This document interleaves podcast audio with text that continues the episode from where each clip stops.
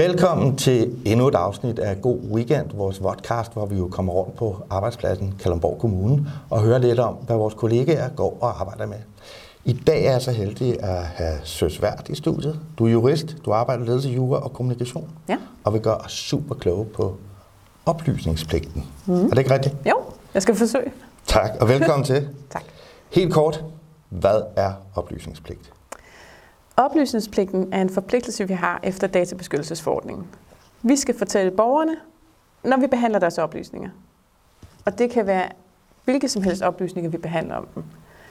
De skal have det at vide, hvad vi skal bruge dem til, og hvorfor. Hvad kan en oplysning være? Det kan fx være dit navn, din adresse, øh, oplysninger om dine indtægter, for eksempel.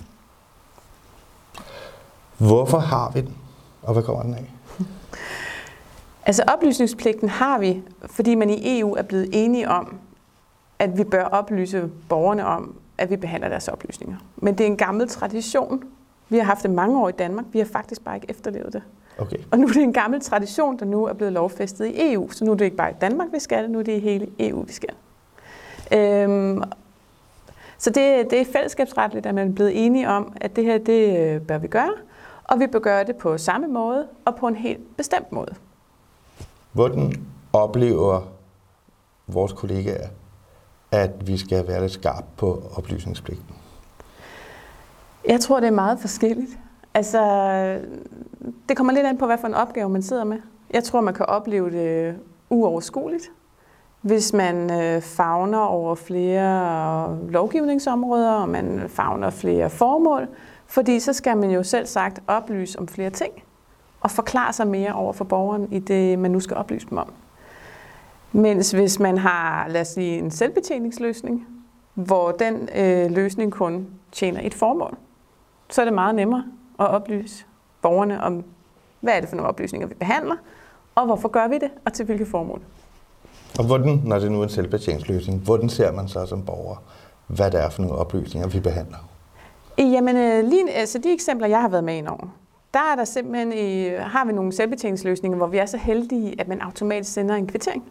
Altså skriver til borgeren, øh, tak fordi du har meldt ind, øh, øh, vi har modtaget din henvendelse. Hvis du har lyst til at læse mere om, hvordan vi behandler dine oplysninger, så klik her.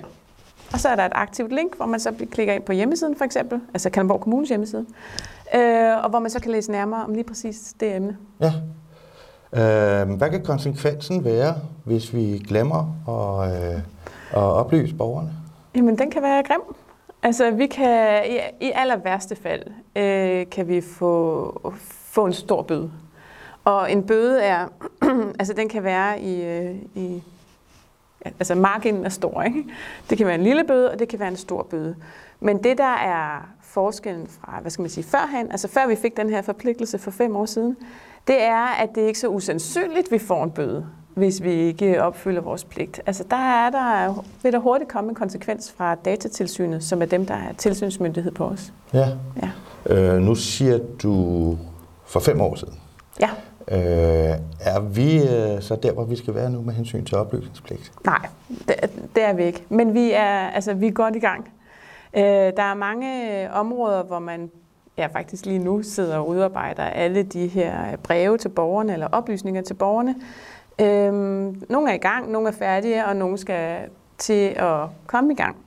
Og der har vi altså, haft en masse workshops i kommunen, men, øh, hvor det kun har været administrationen, altså mestendels de centrale enheder på rådhuset, der har været i gang med det her med oplysningspligt, hvor man er blevet informeret om, hvad er det for noget, og hvordan skal vi gøre det, og hvor kan du hente hjælp, og hvad skal du huske, osv.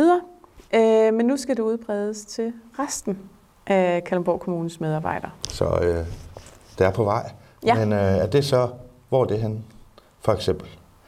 Øh, er det de decentrale enheder, Ja. skoler osv.? Ja, altså ja, det er det. Øh, de skal jo deltage i en, øh, i en workshop, som, altså, hvor man lige så vel som alle andre får at vide, jamen, hvad er det egentlig for noget, og hvad skal du gøre? Øhm, for ligesom at få sat det her arbejde i gang. Ikke? Der er jo faktisk også nogle, også decentrale enheder, der allerede øh, oplyser borgerne. Altså faktisk opfylder deres oplysningspligt. Men der er nok nogle ting, der er værd at genbesøge. Altså, når man har været på den her workshop, at man kan se på det med nye øjne og gå ind og se, hmm, er der noget, vi skal have rettet til? Nu, når vi ved noget mere. Så nu har de centrale enheder på, ja. i administrationen været på vej. Ja. De decentrale enheder er på vej, skoler er på vej.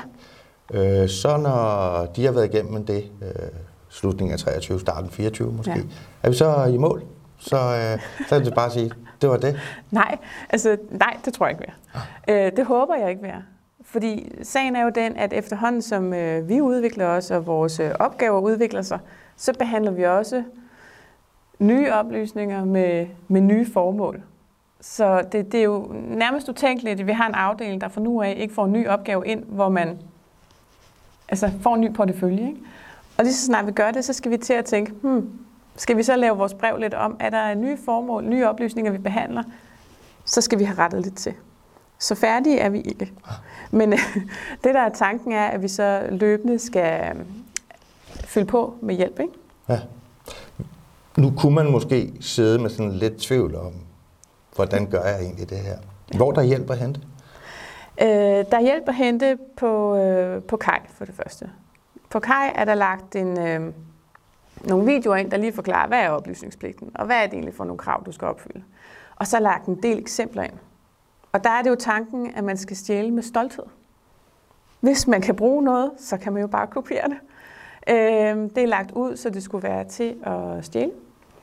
Øhm, det er tanken, at vi løbende vil følge derind, og, altså fra ledelse, til jura og kommunikationsside efterhånden, som vi også får lavet nogle forskellige, så der er lidt inspiration at hente. Der er både noget fra selvbetjeningsløsninger, og der er også noget, øhm, nogle lidt mere, hvad skal man sige, analoge breve, øh, lidt længere. Øhm, så, så der er flere løsninger at, at finde der, ikke? og der følger vi løbende på. Ja, og hvis man nu ikke finder det, man synes, man leder efter på kaj, Ja. Så ringer man til jer, eller hvad? Ja, jeg synes, man skal skrive til vores teampostkasse i ledelse og kommunikation. Ja. Og så sørge for at, øh, at skrive det til os, sådan, så vi kan få fyldt ud også til alle andre. Altså, der, jeg tænker, hvis nogen sidder med spørgsmål til noget, de mangler inde på kaj, så er man nok ikke den eneste, der mangler det. Og så får vi det hurtigt udarbejdet og sendt ud, så alle kan, kan få glæde af det. Du skal have tusind tak, for at du gjorde os lidt klogere på oplysningspligt. Velkommen. Og øh, du skal også have en øh, god weekendkop med hjem. Ja, tak. Det er, så kan dine kollegaer må blive lidt misundelige på dig. Bestemt. Og herfra der er så egentlig bare tilbage og sige rigtig god weekend, og som sædvanligt, hvis man øh, gerne vil fortælle lidt om sin egen arbejdssituation, eller måske er nysgerrig på, hvad der foregår andre steder i kommunen, så skriv til mig på madn så ser vi, om der ikke kan komme rigtig god weekend ud af det. Rigtig god weekend.